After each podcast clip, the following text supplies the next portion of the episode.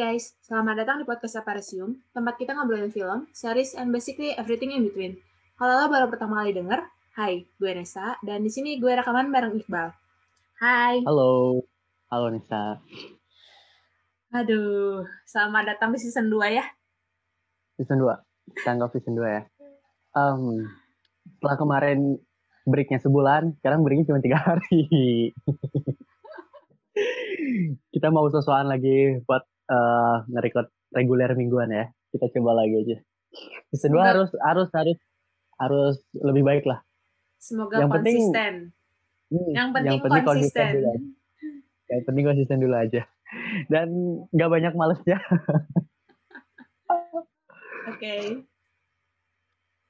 Langsung. Okay, berarti ini apa? Langsung ke recent update aja kali ya. Oke. Okay. Tiga hari ini ada apa aja sih nih? Gua terus terang gue nggak nulis apa pun. Soalnya gue lagi jarang banget sumber berita tuh kan di, di timeline Twitter ya. Gue lagi jarang banget buka Twitter sih.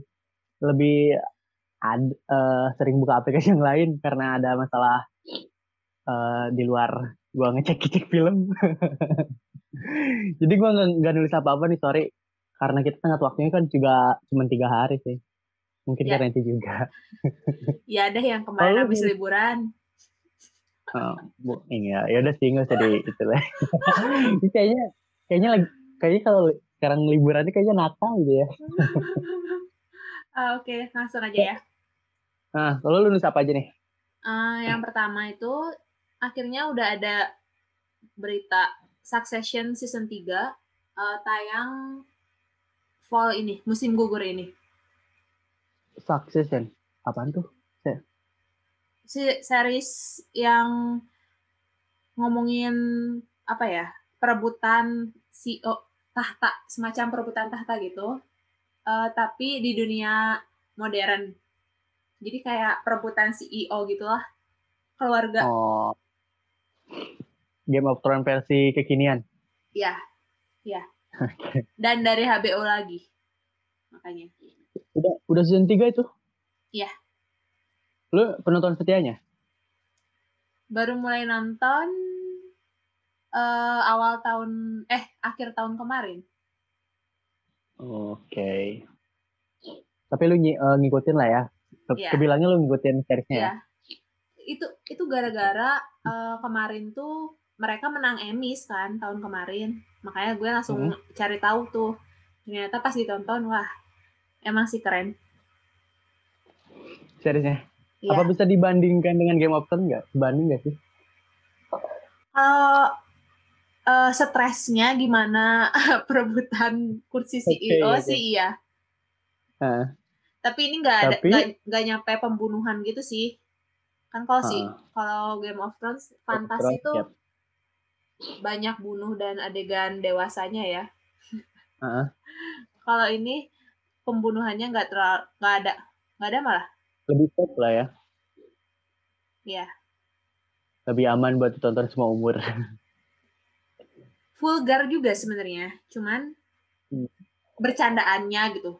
Kayak ya yeah. kayak gaya gaya bercandanya sih yang vulgar. Kan ini ceritanya anak uh, kehidupan orang kaya di New York gitu Hmm. Ya kebayang lah kayak gimana.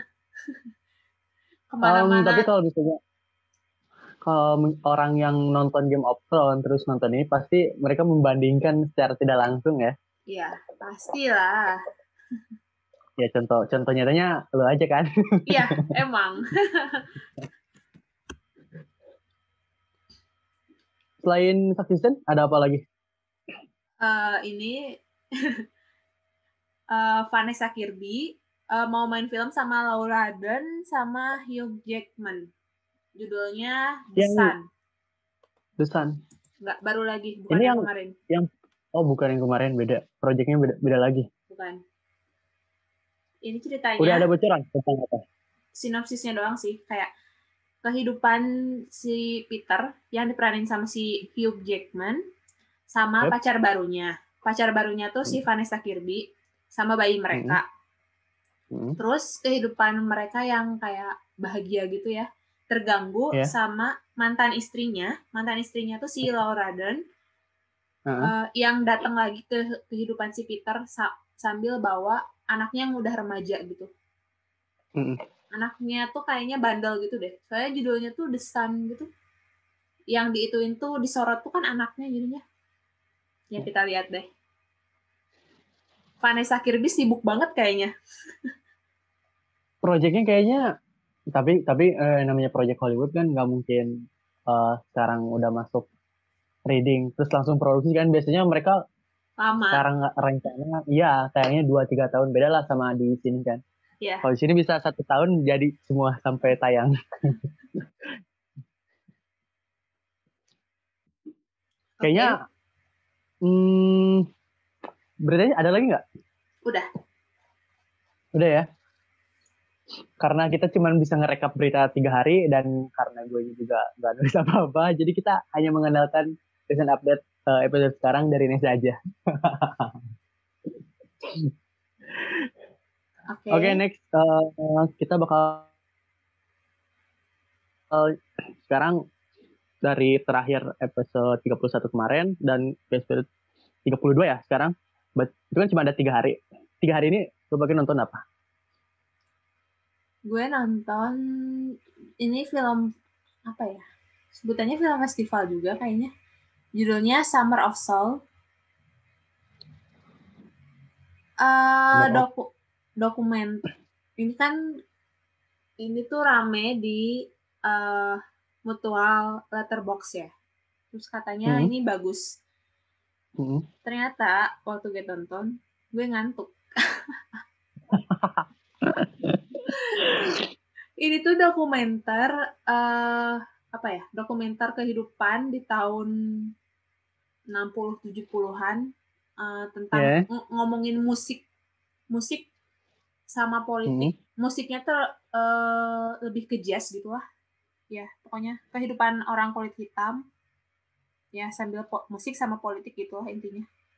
Nggak tahu hmm. gue, nggak, gue ngantuk. hitam putih nggak? Enggak, enggak. Enggak. Ya, menurut kalau menurut gue ya, emang dasarnya film-film festival itu rata-rata bikin ngantuk sih.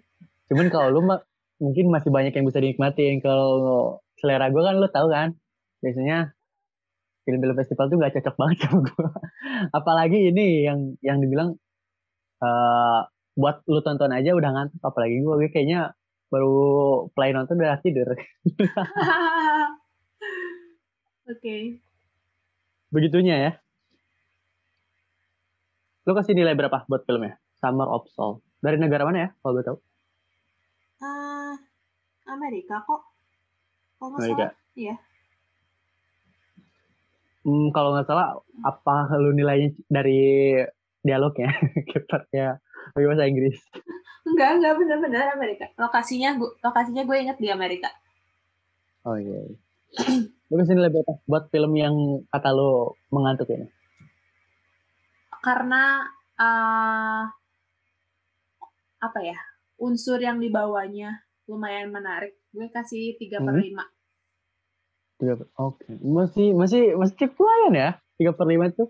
Ya lumayan. Soalnya kalau kalau dilihat dari huh? mutual letterbox gue tuh, yang lain tuh ngasihnya empat, hmm, empat setengah. Hmm? Ada yang ngasih banyaknya yang ngasih lima malah. Makanya gue, wow mereka mereka bisa menikmati. Letterbox yeah. ini itu lima gede kan ya? Iya. Yeah. Bintang kan. Mm-hmm. Apa lu gara-gara lihat uh, nilai orang pada tinggi, lu kayaknya nggak kalau ngasih nilai dua bintang kekecilan. Apa lu ada? Enggak. Emang materi, materinya bagus. Materi yang dibawain hmm. bagus. Cuman emang Terus apa dong yang bikin yang bikin ngantuknya tuh? Gue nontonnya waktu itu kebagian yang malam. Hmm. Dan nggak terlalu nggak terlalu suka musik jazz gitu nggak maksudnya nggak ngikutin nggak okay. ngikutin jadi ya, nggak yeah. tahu yeah. mereka yang nyanyi itu siapa itu siapa itu siapa itu gue nggak tahu bukan penikmat musik jazz lah ya jadi nggak tahu historinya iya jadi kayak kayak nonton tuh ya udah nonton aja gitu nggak bisa ikut lebih dalam lagi lah buat ngikutin ceritanya ya mm. Oke, okay, buat Summer of Soul berarti 3,5 ya buat penilaian dari lo? 3 per 5, bukan 3,5. 3 per 5. 3. 3 per 5, oke. Okay. Okay. Kalau gua tiga hari ini uh, selain nanti satu film uh, yang bakal kita bahas, satu film yang lainnya, lu tau gak sih? Lu lihat uh, tweet gue nggak yang gua update? Atau di saya mungkin? Lihat tahu nggak film yang gua tonton apaan? Apa sih? Lupa. Gue sempat lihat deh kemarin. Ah, kayaknya kalau lu lupa kelewatan deh. Ya udah apa sebutin aja lah. The Wall of Wall Street. Oh, yang Leonardo DiCaprio itu. Hmm, orang posternya aja Leonardo DiCaprio. Masa yeah. lu lupa sih nih? Yeah, lu iya, jangan-jangan yeah. belum nonton? Udah. Itu film Udah lama lah, lagi ya. Pasti. Yep, 2013. Uh, sebenarnya gue tuh kan karena uh, film jarang jarang ada yang apa ya kebilangnya baru lah karena bioskop lagi ditutup juga terus penayangan di OTT juga agak terbatas juga. Jadi gue lagi buka-buka aja uh, rekomendasi orang film-film lama yang sekiranya gue keskip, gue pengen nonton pengen nonton aja yang mereka uh, kata penilaian mereka bagus. Termasuk The Wall of Street ini banyak yang bilang bagus. Kalau lu masih inget, menurut lu filmnya bagus gak sih? Gue suka Leonardo-nya. Oke. Oke. Gue udah lupa alurnya kayak gimana. Uh, ini tuh kan coba apa ya? Mungkin ceritain singkat aja. Meng, ah, The Wall of Wall Street udah kelihatan lah dari judulnya aja Wall Street. Ya. Pasti ngomongin tentang saham kan cara cara orang-orang bermain saham. Cuman karena gua nggak ngikutin saham, gue sebenarnya agak kurang nikmatin aja sih. Oke. Okay. Dan yang bikin kenapa gue cuma ngasih nilai 3 per 5 itu uh, kayaknya materi materi yang digabungin uh, soal ngomongin saham dan dan apa ya uh, plot lain yang dibawa di film ini kayaknya menurut gue kurang aja gitu uh, cara penggabungannya. Kalau masih inget ngerti nggak maksud gue uh, plot yang lain yang dibawa di film ini apa? Iya iya iya. Nah, Tapi orang emang ini film ini tuh salah satu film yang selalu disebut sebagai kayak 100 film yang harus lo tonton selama lo hidup kayak gitu-gitu. Ada alasannya nggak kenapa film ini harus ditonton? Gak tahu, bukan gue kan yang bikin rekomendasi. hmm, orang-orang berdasarkannya apa ya? Apakah Leonardo DiCaprio dengan Margot Robbie ataukah karena film ini mengandung unsur beberapa aspek yang gak bakal ditemuin di film lain. Itu gue lebih cenderung bisa jadi. opsi kedua sih. Iya, iya. Bener. Lagian itu kan kapan lagi? Di uh tahun 2013 ada hmm. adegan kayak gitu-gitu tuh udah keren banget kayaknya. Yep, nah, dan yang kan. main bukan aktor dan aktris cetek ya. Mm -mm. Betul gue kayaknya agak kurang gue berapa kali nge-play pause ya ada sampai dua tiga kali kalau nggak salah film ini tuh jadi nggak nggak bisa nikmatin kalau film yang bisa gue nikmatin pasti satu kali nonton langsung kelar ini gue dua tiga kali uh, ngeplay ngepause dan ngeplay baru selesai gitu. Jadi gue kerasa banget nggak nikmatinya. Cuma emang yang apa ya karena durasinya panjang juga dan ya aspek-aspek yang tadi kita uh, sebutkan. Gue kurang nikmatin aja sih. Mungkin beda beda cerita kalau misalnya gue suka main saham. Lo main saham gak sih oke.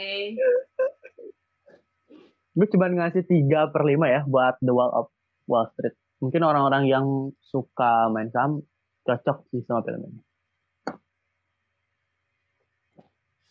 Oke okay lanjut langsung ke film ini aja. Yang kedua? Yep ya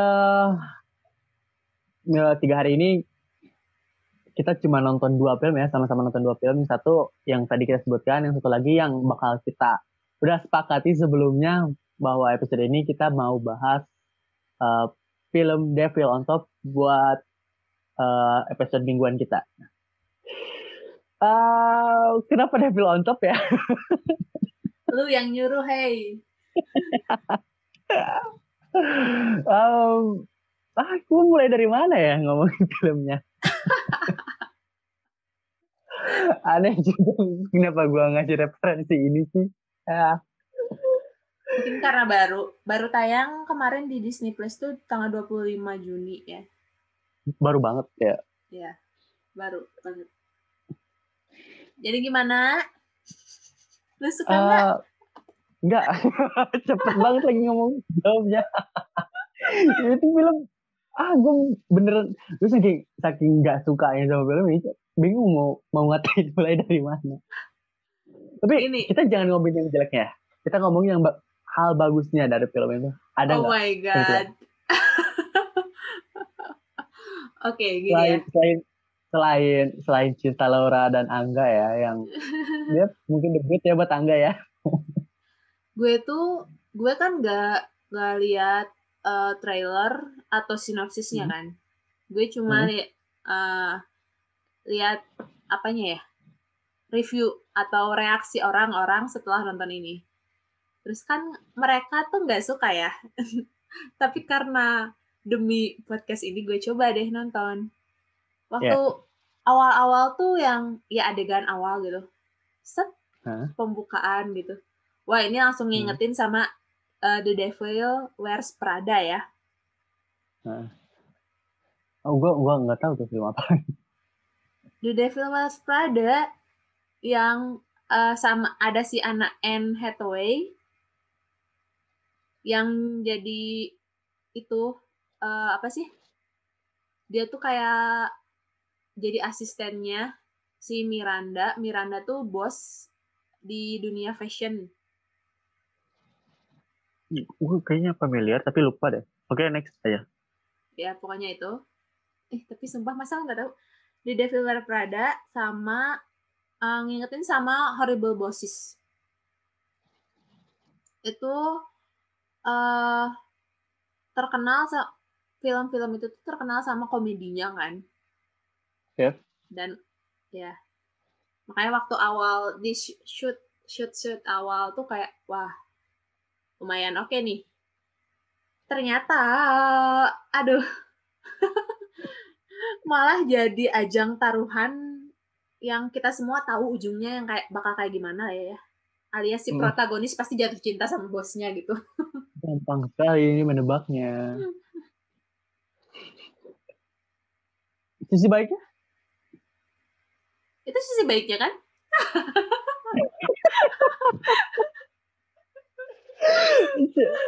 Sekecil itu ya, baik yang bisa lo ambil buat film ini. Sumpah, gua, soalnya gua, ini film tuh FTV banget. Cocoknya ini tayang tuh di video.com ya. ah, tapi lihat aja lu lihat track recordnya Disney eh, film hmm. Indonesia hmm. yang masuk ke Disney Plus tuh emang kayak gitu semua deh. Yang paling oke okay, paling apa sih? Paling sabar, uh, sabar ini ujian. Sabar ini ujian itu juga tahun kemarin. Oh iya iya iya iya, iya sorry, sorry. sabar ini ujian dan sebenarnya yang tadi rindukan juga bagus. Gue nggak suka. Oh, ya udah nggak apa-apa, nggak apa-apa. Mungkin basic yang kayaknya Disney Plus ini kerjasamanya sama PH-PH yang basicnya emang bikin sinetron gak sih? Emang kayak ya bener sih sama MD kayak gitu. Hah? Biasanya kan mereka emang bikin sinetron. Tapi Devil on Top yang bikin kan Anggi Umbara ya kalau nggak salah. Iya. Hmm, Umbara Brother. Ya udahlah. Kayaknya rutin banget ya Anggi Umbara. Kemarin yang filmnya wah apa tuh yang Inggris tuh. Till Death Do Us Apart. Ah, itu kan Anggi Umbara juga yang bikin. Ini udah wah. Nggak sih, gue gak bisa komen sih. Maksudnya kalau yang film Sisi Nasar kemarin itu gue lumayan suka tapi kalau ini ya udahlah. Gue nggak kalau ngomongin sisi baiknya gue nggak nggak nangkep sama sekali sih. Apa yang mau ditampilin yang dibawain sama Anggi Bara gue nggak dapet. Mungkin gue yang nggak dapet orang lain mungkin dapet. Kalau lu lihat review-reviewnya orang setelah nonton ini apa aja sih respon mereka? Ya intinya jelek jelek aja lah. Tapi poin banget kan mereka pun gue lupa kata-katanya pokoknya intinya mereka nggak suka dan jelek. Terus menurut hmm, gue ya menurut gue huh? tuh Anggi Umbara tuh jangan nulis gitu loh. Dia cukup jadi sutradara aja. Sebenarnya dia kalau jadi ya, sutradara dia bagus bikin ritmenya gitu. Tapi kalau uh -huh. sebagai penulis tuh dia tuh kacau banget. Oke. Okay. mungkin dia belum nemu penulis naskah yang cocok soalnya dia selalu dia. Uh -huh. dia selalu nulis eh filmnya kan selalu dia yang nulis Enggak, mungkin dia harus coba sekali-kali collab sama Gina, es Gina Esnur ya.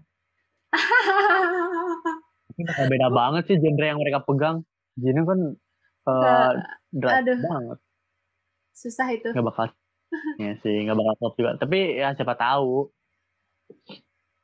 Uh, kalau baru kan kita ngomong sisi baiknya ya, yang gue nggak bisa berkomentar sama sekali sisi baiknya dari film Battle Antep.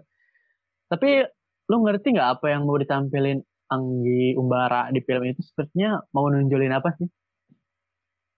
Apa yang mau dibawa gitu? Yang harus sampai ke penonton. Lu dapet nggak poin itu? Enggak.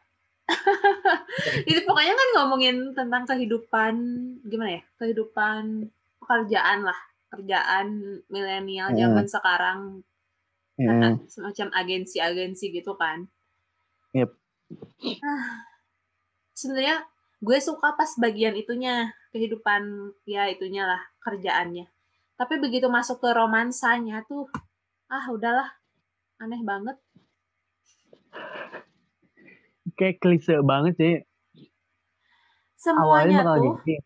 semuanya hmm. tuh jadi serba kebetulan semuanya serba kebetulan konflik akhirnya juga aneh banget di luar nalar lah.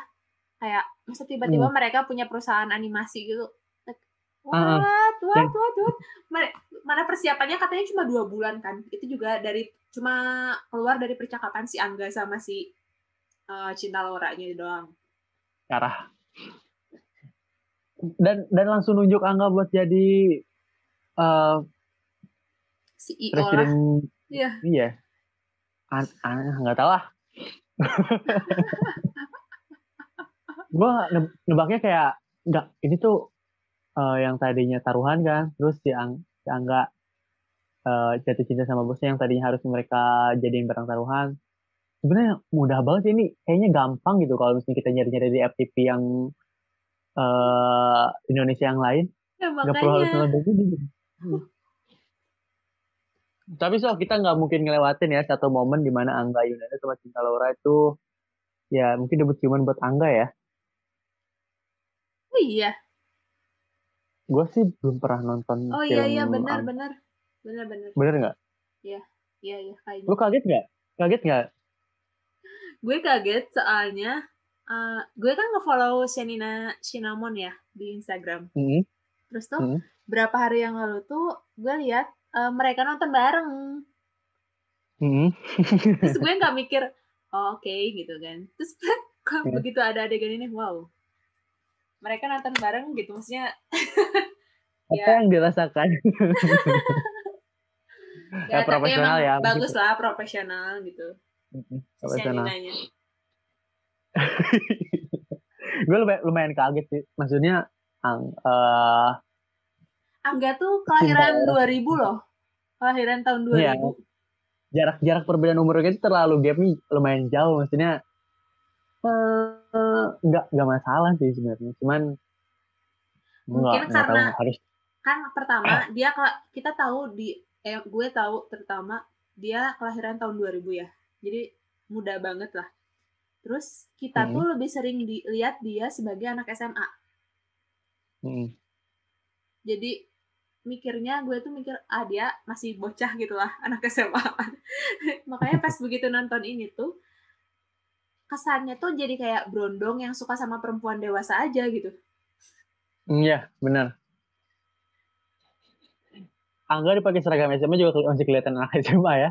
Iya. Malahan gue sebenarnya lihat dia di dua garis biru sama si Jara pun ya emang nggak kelihatan kayak orang yang udah lulus sekolah kayak anak masih sekolah aja gitu belum. Tapi mungkin kita kita aja yang nggak tahu sebenarnya umur angga emang udah cukup lah ya.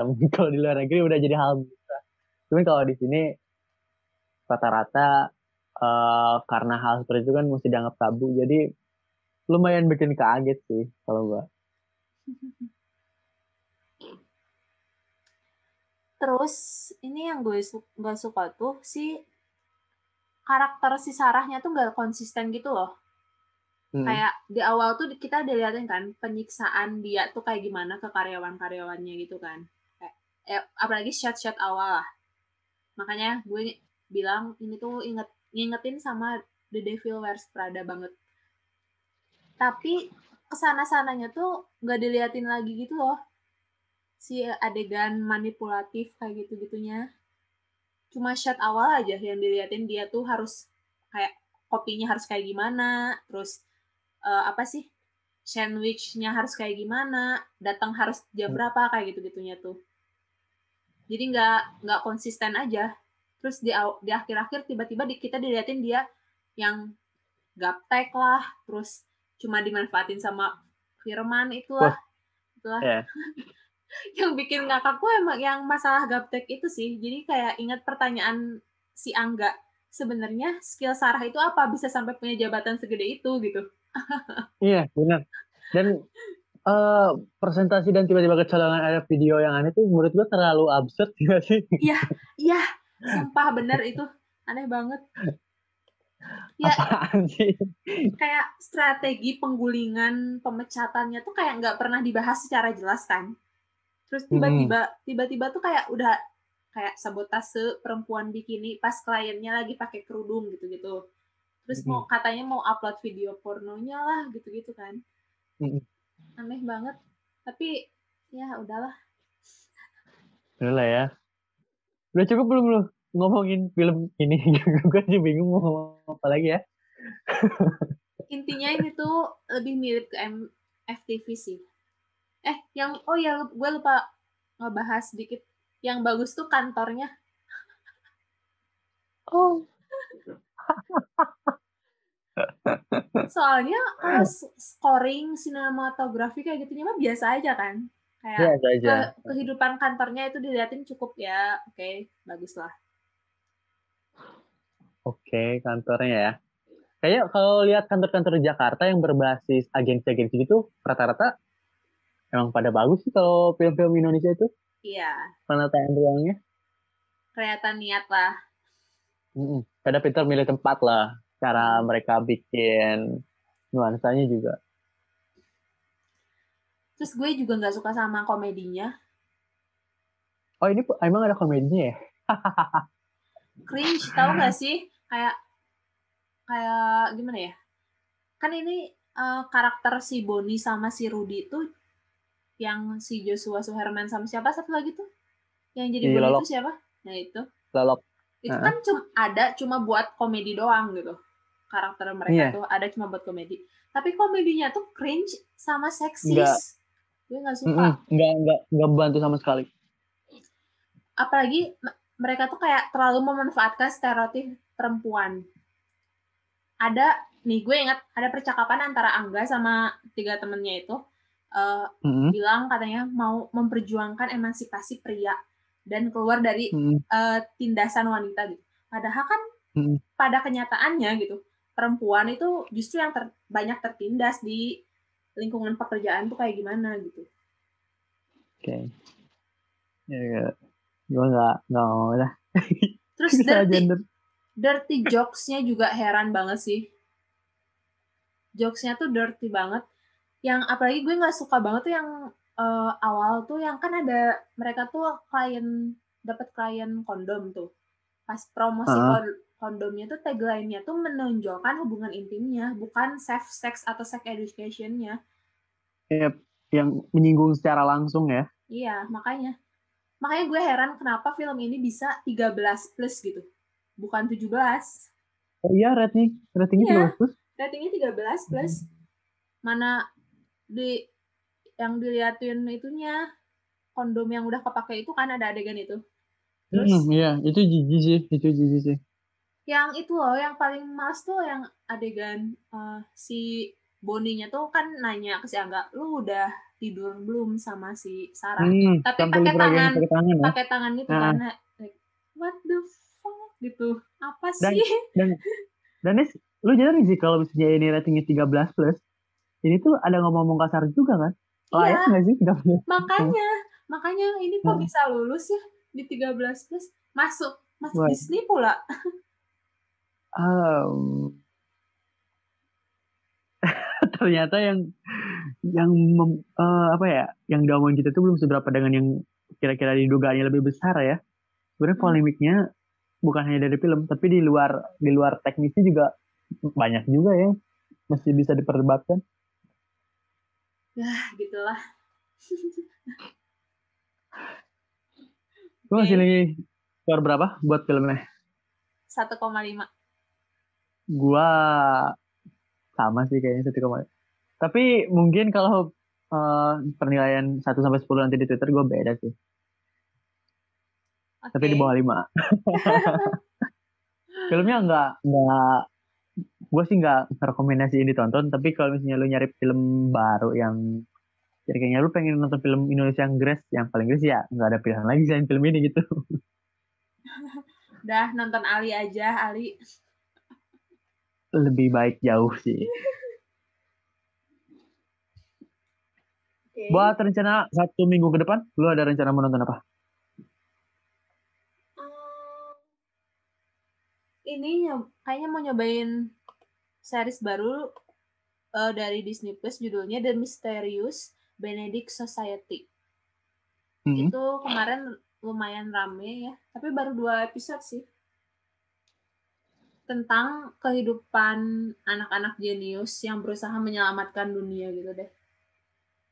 Kalau lihat dari okay. sinopsisnya. Berarti lu mengusahakan nonton series ya minggu minggu ini? Iya, itu tapi itu kan hmm, itu keluarnya per minggu, bukan Oh, ongoing. Jadi ya. lama lah buat dibahas ya. Iya, masih lama. Kalau gua rencananya minggu ini ada kemungkinan nonton series juga. Cuman nggak tahu antara yang lu kemarin ngerekomendasi apa? sub eh, objects. Nah, antara sub object, Lupin 2 atau The Naked Director sih. Gue antara tiga itu. Masih masih menimbang-nimbang. Soalnya gue mau nonton film dulu sih. Udah, sub object aja. Oh, kita lihat nanti lah. Gimana mood? gue gue Lupin tuh baru nonton dua episode belum dilanjut lagi. Sayang sih, terusin aja. Ya, nantilah. Nggak tahu kapan. Oke. Okay. Udah nih. Cukup ya buat episode sekarang 32 season 2. Oke, okay, thank you for listening. Gue Nesa pamit. Gue juga pamit. Terima kasih. Bye. See you next time.